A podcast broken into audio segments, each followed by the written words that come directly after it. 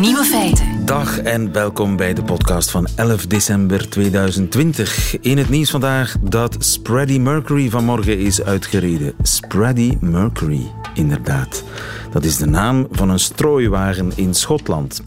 Bij ons krijgen strooiwagens gewoon een nummer van 1 tot en met 314. Maar in Schotland geven chauffeurs hun strooiwagen een naam. Zoals Spready Mercury of Ready Spready Go. En je kan die strooiwagens ook online volgen via een real-time kaartje. Zo kan je zien waar Yes Sir Ice Can Boogie rijdt. Een strooiwagen is een gritter in het Engels en dus rijdt er uiteraard ook een Gritter Turnberg rond. Die schotten toch misschien een ideetje voor wegen en verkeer bij ons. De vierde Vlaamse sneeuw, bijvoorbeeld. Waarom niet? Of Rupsje strooit genoeg. Of de strooierakker. Of waarom niet Jules de Strooier? Inderdaad, dat moet allemaal kunnen. We nemen het mee. De andere nieuwe feiten vandaag. De Europese regeringsleiders hebben vannacht een klimaatakkoord bereikt. Geen 40, maar 55 procent CO2-reductie tegen 2030. Blinde mensen letters laten zien. Dat is over enkele jaren wellicht mogelijk met een hersenimplantaat. Er zijn niet alleen ochtend- en avondmensen, maar nog vier andere types. Onder meer de Dutters. En radicaal rechts in Nederland en Duitsland raakt verstrikt in de complottheorieën. Hoe zit dat bij ons? De nieuwe feiten van Katrien Zwartenbroeks hoort u in haar middagjournaal. Veel plezier. Nieuwe feiten. Radio 1. En het heeft een nachtje onderhandelen gekost, maar de leiders van de Europese lidstaten die zijn eruit geraakt over het klimaat. Er ligt een nieuw klimaatakkoord. Tegen 2030 moet Europa haar uitstoot, haar CO2-uitstoot met 55% verminderen. Hendrik Vos, goedemiddag. Hey, goedemiddag, dag lieven. Professor Europese Politiek van de Universiteit van Gent. 55% was het niet 40% de ambitie? Uh, ja, dat was de ambitie. En uh, nog niet zo lang geleden was de ambitie ongeveer 30 Je, je merkt dat de ambitie ja, altijd is opgeschroefd. En, en nu hebben de lidstaten gezegd van we gaan echt gaan voor uh, ja, 55 procent, want we willen tegen 2050 helemaal klimaatneutraal zijn. En als we dat doel willen bereiken, en we hebben dat eigenlijk al aangekondigd in de wereld tegen, ja, tegen andere landen, andere continenten, andere blokken, als we, als we dat doel willen bereiken, die klimaatneutraliteit tegen 2050, dan kunnen we niet anders dan ook voor 2030 onze ambitie opschroeven. En van waar deze verstrenging? Want ja, die waarheid was eerder al bekend, hè? Wat je net ja, zei. maar als zo die cijfers geformuleerd worden, dat is geen giswerk. Zo dat, daar zit eigenlijk een hele batterij mensen achter, ambtenaren, economen, mensen die de industrie heel goed kennen en die beginnen te becijferen van Um, welke tussenstap moeten we zetten als we er in 2050 willen raken bij die klimaatneutraliteit? En welke tussenstappen zijn ook haalbaar om er te raken? En er is de voorbije maanden heel veel gecijferd en nagedacht en uiteindelijk ja, met modellen gewerkt en men is dan uitgekomen van 55% is echt wel haalbaar en Um, bon zal ook ons toelaten om dan tegen 2050 die stap te zetten naar de totale klimaatneutraliteit. En ja, die, die, die mensen die daarmee bezig zijn, die, ja, die, die weten wel waarmee ze bezig zijn. In, in het verleden heb je nogal gezien dat er zo ambitieuze klimaatdoelstellingen verwoord werden. En dan werd altijd gezegd van, oh, als het er echt op aankomt, dan zal je zien dat dat veel te ambitieus is, dat we dat niet halen. Maar tot nog toe is het altijd wel gelukt om het te, te halen. En, en dat komt omdat ja, blijkbaar de modellen die gebruikt worden daar echt wel... Uh, ja, dat, dat, dat zijn, die, die, eh, modellen kloppen, die zijn doorgerekend uh, tegen 2030. Dat is nog negen jaar. Dat is niet zoveel. Ja. Uh, min 55 procent. Vooral Polen deed moeilijk naar verluid. Uh, ja, ja, want voor sommige lidstaten is die inspanning natuurlijk zwaarder dan voor anderen. Hè. En, en het is niet omdat je um, goede ambtenaren hebt die, die dat allemaal kunnen doorrekenen wat haalbaar is, dat het in het ene land niet meer pijn doet dan in het andere. Hè. Polen is nog heel sterk afhankelijk van kolen en bon, dat, dat betekent dat, uh, ja, dat Polen uh, een van de landen is die de meeste tandjes zal moeten bijsteken. Hè. En wat heeft hen over de streep getrokken? Want ze lagen heel lang dwars. Uh, geld. Ah. dat, dat, is wel vaker een, een smeermiddel om uh, uh, uiteindelijk landen die dwars liggen toch aan boord te hijsen. zij zullen extra ja, steun krijgen via een bepaald fonds om, om die modernisering van hun economie door te voeren. Plus, ik denk ook wel bij een land als Polen zo stilaan het gevoel van we kunnen niet blijven ons isoleren in die Europese Unie. Zo op elk dossier moeilijk doen en dwars gaan liggen en lastig doen, ja, dan begin je op de duur zo het imago te krijgen van een beetje een paria. En dat, ja, dat straalt af op je, op, op je imago ook. Dat, dan gaan ook investeerders beginnen wat meer terughoudend te worden enzovoort. Ik denk dat Polen zo stilaan ook wel beseft dat ja, dat je niet elke strijd ja, heel koppig kan gaan blijven voeren en altijd maar dwars liggen, dat dat uh, het land ook niet ten goede komt. Ja, in het akkoord is er ook sprake van internationale flexibiliteit. Wat zou daarmee bedoeld kunnen worden? Ja, dat betekent dat als je uh, er dan zelf niet echt in slaagt om je eigen doelstellingen die jou dan worden opgelegd, hè, want we, we, hebben het nu over Europese doelstellingen, maar elk land zal nu nog aparte doelstellingen krijgen en dat is ook altijd een, een lastig gevecht. ja. Uh, ja, ja, zeg dat wel. Hè, van wie doet wat, dan, dan, dan probeert elk land wel zichzelf een beetje uit de wind te zetten. Uh, dat is typisch bij dat soort onderhandelingen. Uh, maar er is zo een, ja, een, een, voorziening die het mogelijk maakt als je je eigen doelstellingen niet haalt, dat je dan door te investeren in andere landen en, en door steun te geven aan plekken waar het dan misschien makkelijker is om een doelstelling wel te halen, dat je eigenlijk je ja, je, je, je eigen uh, falen voor een stuk kan afkopen. Ah, en, en, en dat zit al wel vaker in klimaatakkoorden. Uh, we hebben dat in het verleden ook al gezien. Ook, ook België heeft daar al wel eens gebruik van moeten maken, van dat soort mogelijkheden. Dus landen met meer ruimte voor verbetering, die zullen uiteindelijk ook meer kunnen doen. Zij dat de, andere, de landen met minder ruimte voor verbetering daarin mee betalen. Ehm, ja, maar eh, landen met minder ruimte krijgen vaak ook minder, eh, minder scherpe doelstellingen opgelegd. En je ah, ziet dat sommige landen daar wel in slagen om dan toch nog die doelstellingen wel te halen. Het heeft heel vaak te maken met gewoon ja, politieke prioriteiten. En dan in een land zelf dat men dan zegt van wij gaan daar nu echt een beleid rondvoeren en we gaan daar... Uh, ja, we gaan daar echt voor gaan en dan gaat, dat, dan gaat dat wel lukken. En je merkt heel dat klimaatbeleid, dat zit al lang niet meer bij de, de geitenwolle sokkers met sandalen. Hè. Dat zijn vaak heel deftige mensen in, in chique kostuums, economen die daar volop op aan het inzetten zijn, die daarmee bezig zijn. En en, en die dan uh, soms in landen waar op het eerste gezicht weinig ruimte in is om, om, om te verstrengen, die er dan toch in slagen om allerlei ja, heel innovatief bezig te zijn. En, en als zij daar de politieke backing, de politieke steun voor krijgen om, om, om soms heel ver te gaan. Nu, eh, Vlaams minister uh, Demir die tweette dat er geen spreiding zou zijn. Dat vind ik raar. Um, ja, je, je, merkt in dat klimaatdebat dat Vlaanderen toch wel uh, een van de, de, de, moeilijke klanten is. Hè. Vlaanderen uh, slaagt er niet in om, om de doelstellingen die gezet zijn te halen, terwijl dat eigenlijk de landen waar dat wij graag naar opkijken, en, en dat zijn dan de Scandinavische landen, de noordelijke landen, dat zijn zo, we zitten graag in die club. Maar als het gaat over klimaatambitie, als het gaat over klimaatprestaties, dan vallen wij in vergelijking met die landen toch wel heel mager uit. En, en, um, maar de minister zegt dat er geen spreiding van inspanning zal zijn. Maar wat, wat jij net vertelt is dat er toch heel veel spreiding kan zijn tussen die landen.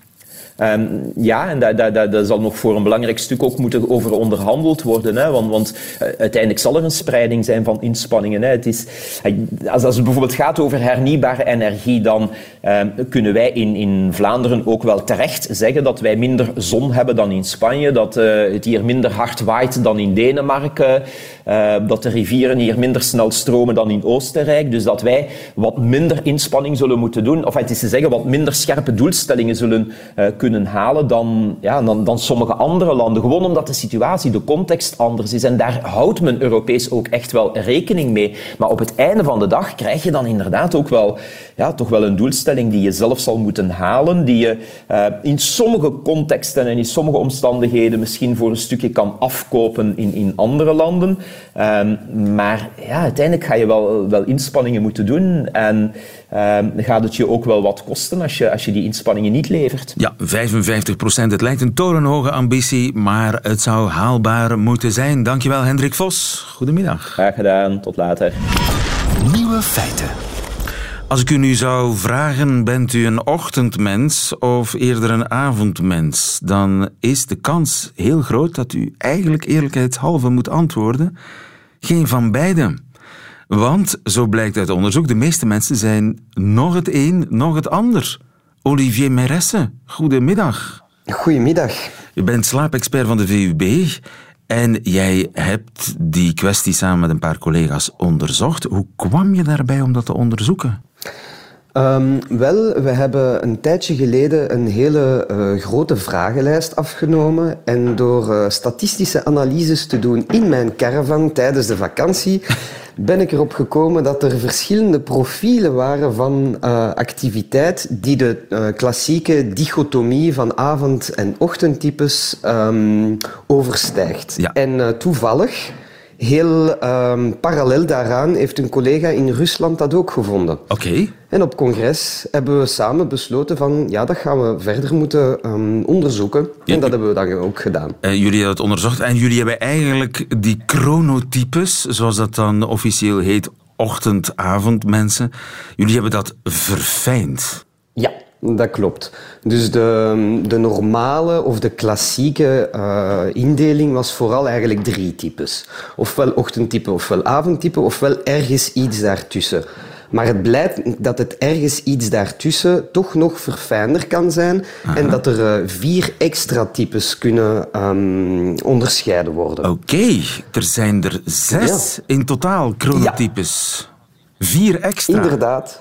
En vier extra. Dus ochtendtype betekent je bent het meest actief in de ochtend en naarmate de dag vordert word je minder en minder actief. Dat snap ik. Avondtype is precies andersom. Het leven begint na de lunch, ja. zei Mark van Ranst in het huis. Dat is duidelijk een avondtype. En wat is dan type nummer drie?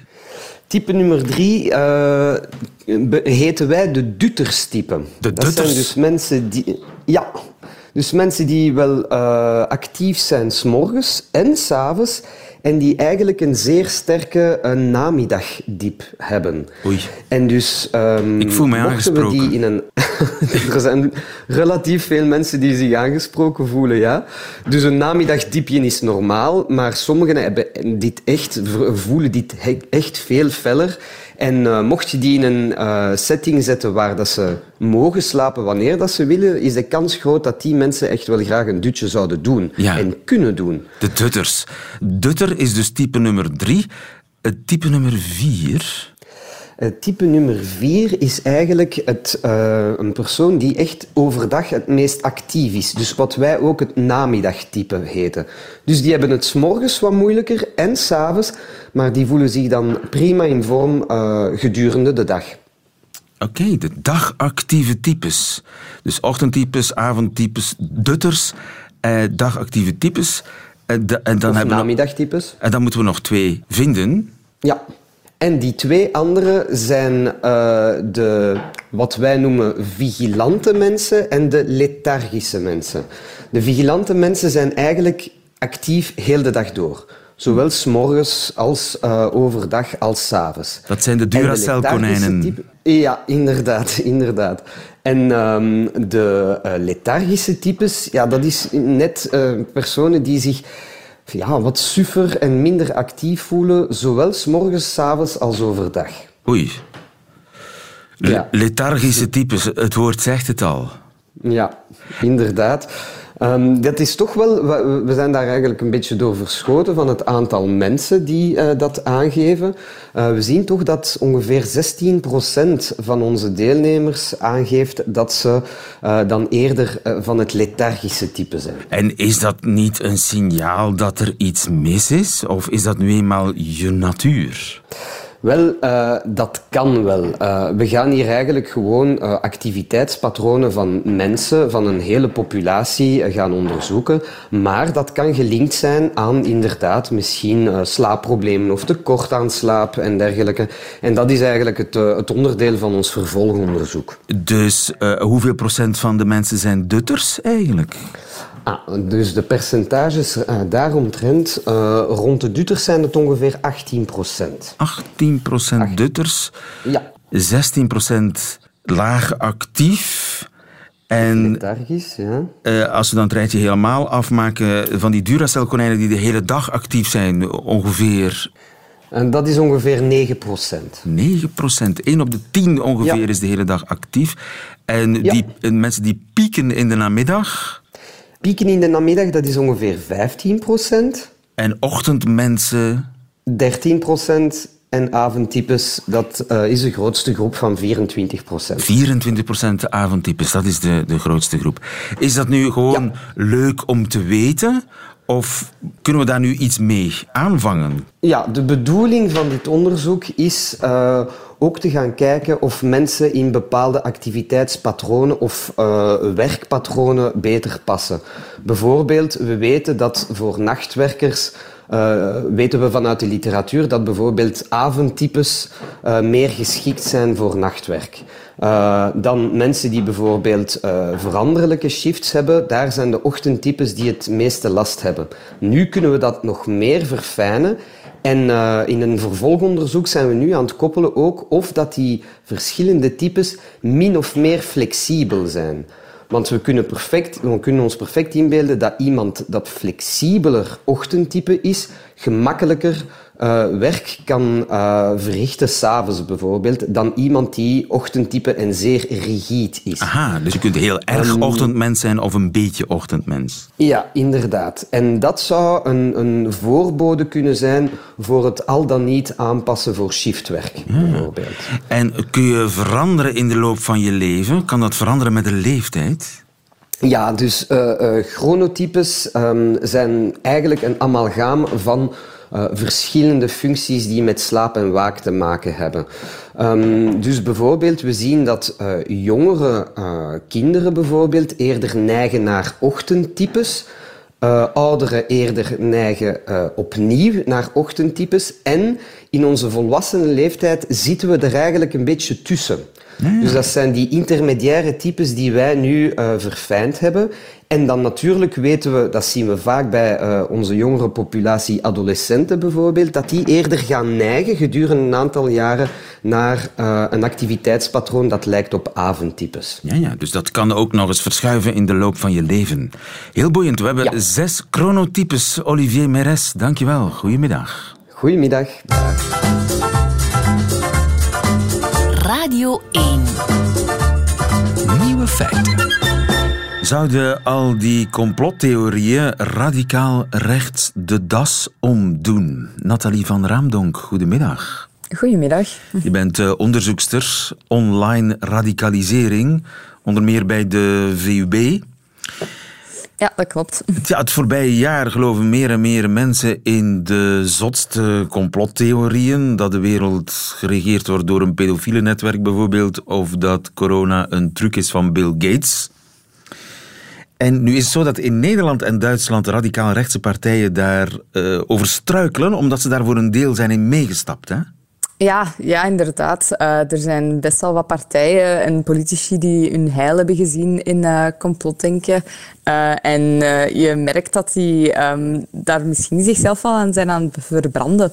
Het Forum voor Democratie in Nederland bijvoorbeeld, dat is een echte saga geworden waarbij ja, Thierry Baudet, de leider, zich min of meer heeft aangesloten bij een groep binnen dat forum dat uh, toch meestapt in die complottheorieën voor een deel. En ja, die partij is nu uit elkaar aan het vallen, hè? Ja, Um, nu, dat is ook geen nieuw fenomeen. Hè. Um, dus het feit dat er nu complotdenken aan corona wordt gelinkt, um, is niet echt een nieuw fenomeen binnen de radicaal-rechtse bewegingen. Er zijn echt effectief al wel complotdenken dat, dat heerste in radicaal rechts. En, en, ik spreek dan vooral van de omvolkingscomplotten. Uh, het idee dat er uh, een groter plan zou zijn om de uh, blanke medemens in Europa uit te roeien dat zijn echt ideeën die ook al langer leefden. Dus uh, het feit dat dat nu in corona eigenlijk dan uh, nog harder is gaan leven en is beginnen linken ook aan uh, ja, dat soort complotten dat de overheid eigenlijk de pandemie te werk gesteld heeft enzovoort. Um, dat is wel nieuw, maar ja. um, het is geen verrassing. Ja, en die ideeën hebben ingang gevonden bij een groot deel van de aanhang van Forum voor Democratie in Nederland, van Alternatieven voor Duitsland in Duitsland. Het blijft zo stil rond Vlaams Belang. Hoe zit het daarmee eigenlijk? Wel, eh, ik, uh, ik heb geen glazen bollen en ik kan ook niet uh, meekijken in het uh, partijbestuur bij Vlaams Belang. Dus ik weet ook niet wat daar natuurlijk, um, wat, wat, voor gesprekken dat daar gaande zijn. Um, maar ik denk dat er wel een paar redenen zijn waarom um, dat het bij ons toch iets anders loopt dan in Nederland en Duitsland. en zeker tijdens de pandemie. Um, en Heeft het Vlaams Belang al officieel daar iets over gezegd, over die complottheorieën? Bij mijn weten niet. Ik weet dat er zo al wel... Um, er zijn e- twee heel kleine incidenten geweest uh, waarbij uh, bijvoorbeeld Tom van Grieken nogal heel uh, nalatend was over de tracing-app. Dus dat hij zei van... Ik ga toch de overheid mij niet laten volgen. Um, waar ook heel veel kritiek op is gekomen. En heeft dat dan ook wel teruggetrokken. Um, dus dat... dat je merkt dat ze misschien wel het water even zijn aan het proberen te testen. Um, maar ik denk dat de voornaamste reden dat in België het Vlaams Belang merkt van ja, dit, dit gaat niet ons, ons ding zijn, is omdat België het ook gewoon ongelooflijk slecht heeft gedaan in het aanpakken van deze crisis. Dus waarom zou je als, als um, politicus je tegen de overheid gaan verzetten om strenge maatregelen te nemen, als je eigenlijk makkelijker tegen de overheid kan zijn uh, omdat ze geen goede maatregelen hebben genomen. Dus dat is een beetje uh, dus de, de balansoefening die, denk ik, uh, een politieke partij die hier gewin uit wil halen, um, in België zou moeten maken. Ja, nu is er een regeringswissel geweest. Hè? Misschien dat dat ook die strategie wat zal doorkruisen. Ja, en ook um, het feit dat wij heel lang geen regering hebben gehad, um, dat was eigenlijk het stokpaardje. Hè. Het feit dat er dan wel een regering is gekomen. Um, u herinnert zich ook dat er een mars op Brussel is geweest. Hè, dus met, met de, de, de auto's en, en uh, dat er dan aan de Heizel een grote betoging was. Um, dat was veel effectiever, omdat het ook in de realiteit bleef. Um, en dat was eigenlijk makkelijker om daar eigenlijk politieke um, mobilisatie voor te krijgen dan uh, om naar fictieve theorieën eigenlijk te gaan. Ja. Hè. Nochtans zijn er veel mensen die die theorieën ook aanhangen, ook bij ons, maar die zijn dan eigenlijk politiek dakloos. Goh, ja. Ja, en ik, uh, ik hou mijn hart daar echt voor vast. Ik, uh, ik Hoezo? Weet toen, uh, omdat dat wel kan veranderen natuurlijk. Hè. Um, ik zie wel hier en daar enkele uh, politici, uh, gewezen Vlaams belangster, die ook al uh, antivaccinatie um, complotten heeft beginnen verspreiden. Dus het leeft wel in de achterban. En ik hou mijn hart vast voor... ik hoop dat um, politici van het Vlaams Belang verstandig genoeg zijn om te weten dat, dit, dat ze hier zichzelf aan gaan verbranden. Dat dit niet het paard is waar ze op moeten springen. Maar dus bij de aanhangers uh, vindt het meer en meer uh, ingang, die complottheorieën? Misschien zelfs bij bepaalde mandatarissen, leiders van lokale afdelingen? Ja, maar um, qua politiek dakloos, ik denk dat dat ook uh, een, een, een, van de grotere problemen van het fenomeen is. Um, het, het, leeft in verschillende um, ideologieën. Hè. Dus we zien ook, we hebben dat van het begin van de, de uh, crisis gezien dat bijvoorbeeld heel veel wellness-influencers, mensen die zich toch meer links zouden oriënteren, ook heel erg op complotten zijn gesprongen. Um, die zeiden van, van mijn vrijheid en uh, natuurlijkheid en, en ik ga toch geen vaccin laten inspuiten. Um, die dus daar eigenlijk ook op zijn gesprongen. Dus qua, qua politiek dakloos, ik denk dat je eerder misschien moet zeggen dat het heel uh, politiek divers is. De, de, de verscheidenheid aan complotten die, die de ronde doen. Ja, en in uh, Vlaanderen, België is er voorlopig geen enkele politieke partij die zich daaraan wil verbranden, die daarin wil meestappen. Bij mij weten niet, en ik, ik mag hopen dat het ook zo blijft, dat we een beetje een, een eenheid van commando behouden dat uh, in, met een voet in de realiteit blijft staan. Hè. Nathalie van Raamdonk, dankjewel. Goedemiddag. Dankjewel, dag.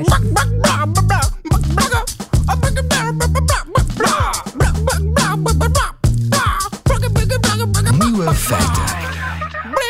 Blinde mensen doen lezen, dat is de droom van Pieter Roelfsema. Goedemiddag, Pieter. Goedemiddag. Je bent hersenwetenschapper aan het Nederlandse Herseninstituut. En je hebt net een grote stap gezet om die droom om blinde mensen ooit te doen lezen, ooit te verwezenlijken. Hè? Dat klopt. Wat heb je gedaan? Nou, we hebben getest wat er gebeurt wanneer je hersencellen in de visuele hersenschors elektrisch stimuleert.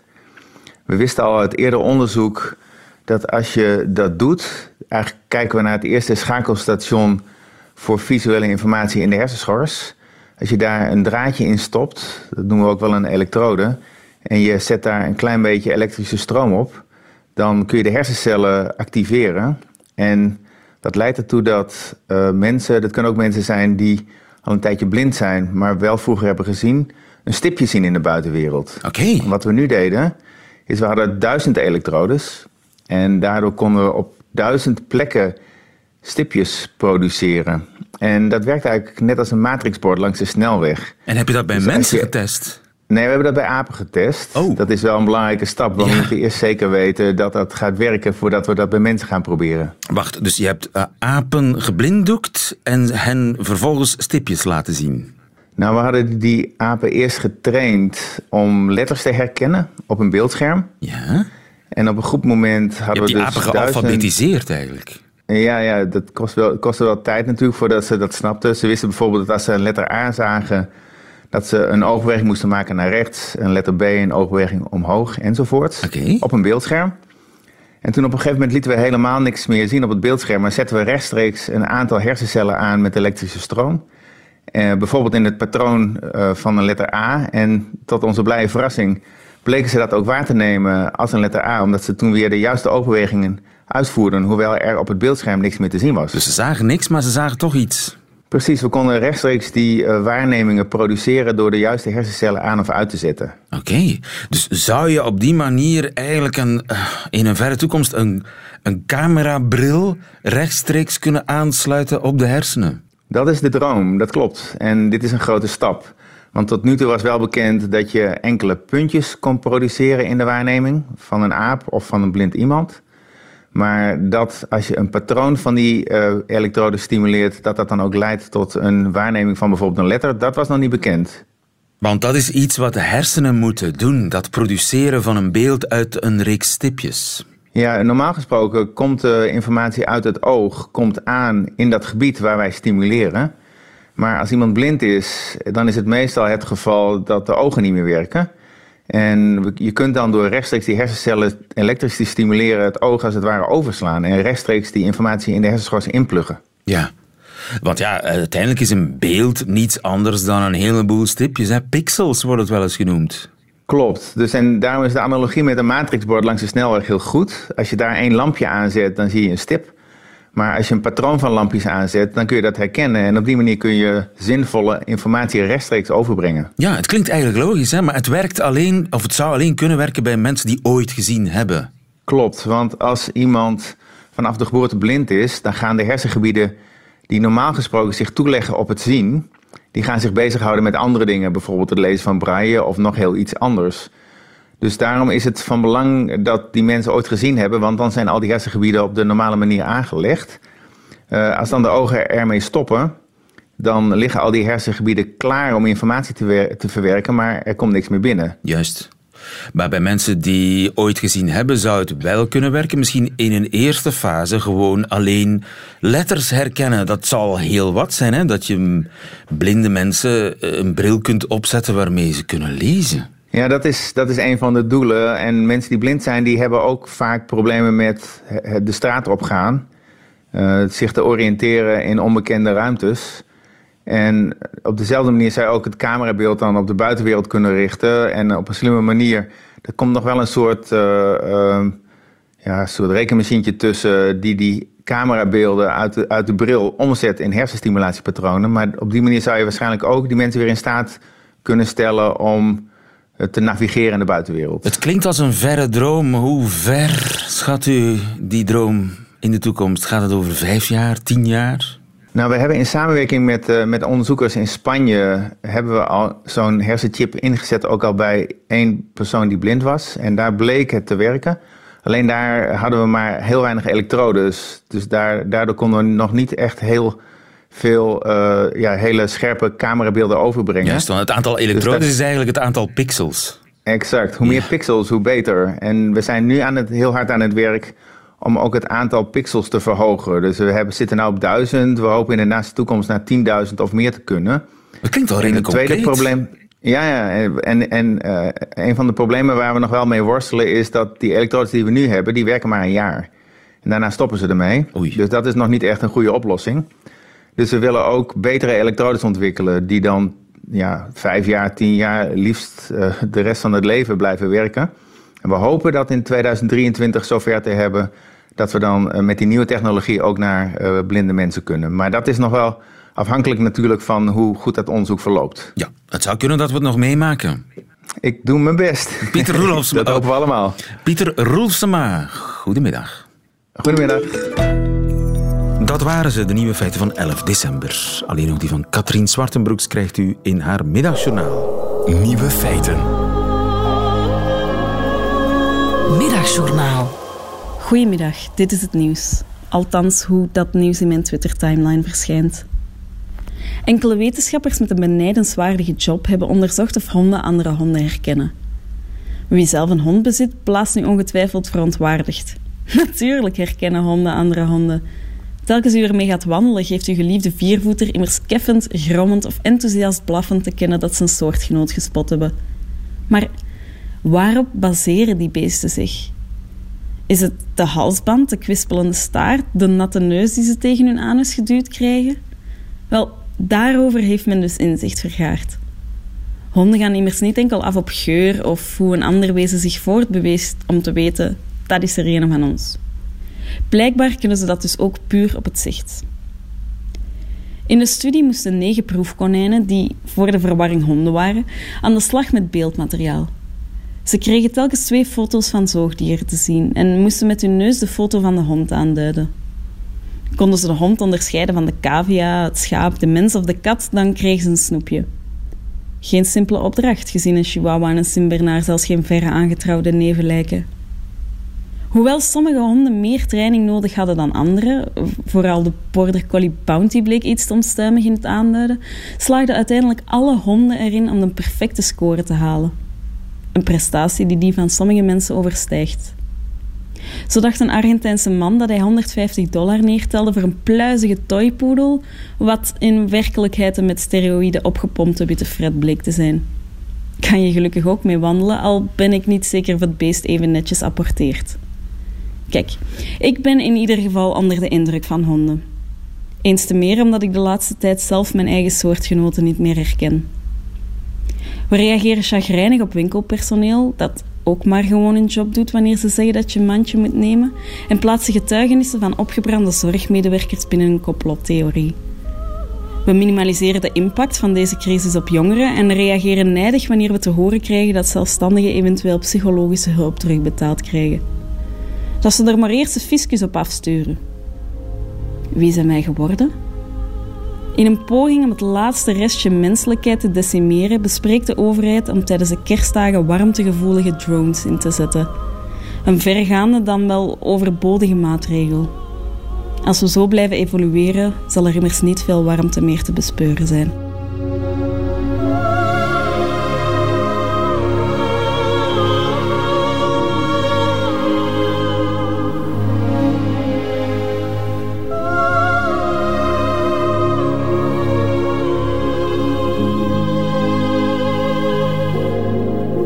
Middagjournaal met Katrien Zwartenbroeks. Einde van deze podcast. Hoort u liever de volledige uitzending van Nieuwe Feiten met de muziek erbij? Dat kan natuurlijk via radio1.be of via de Radio 1 app.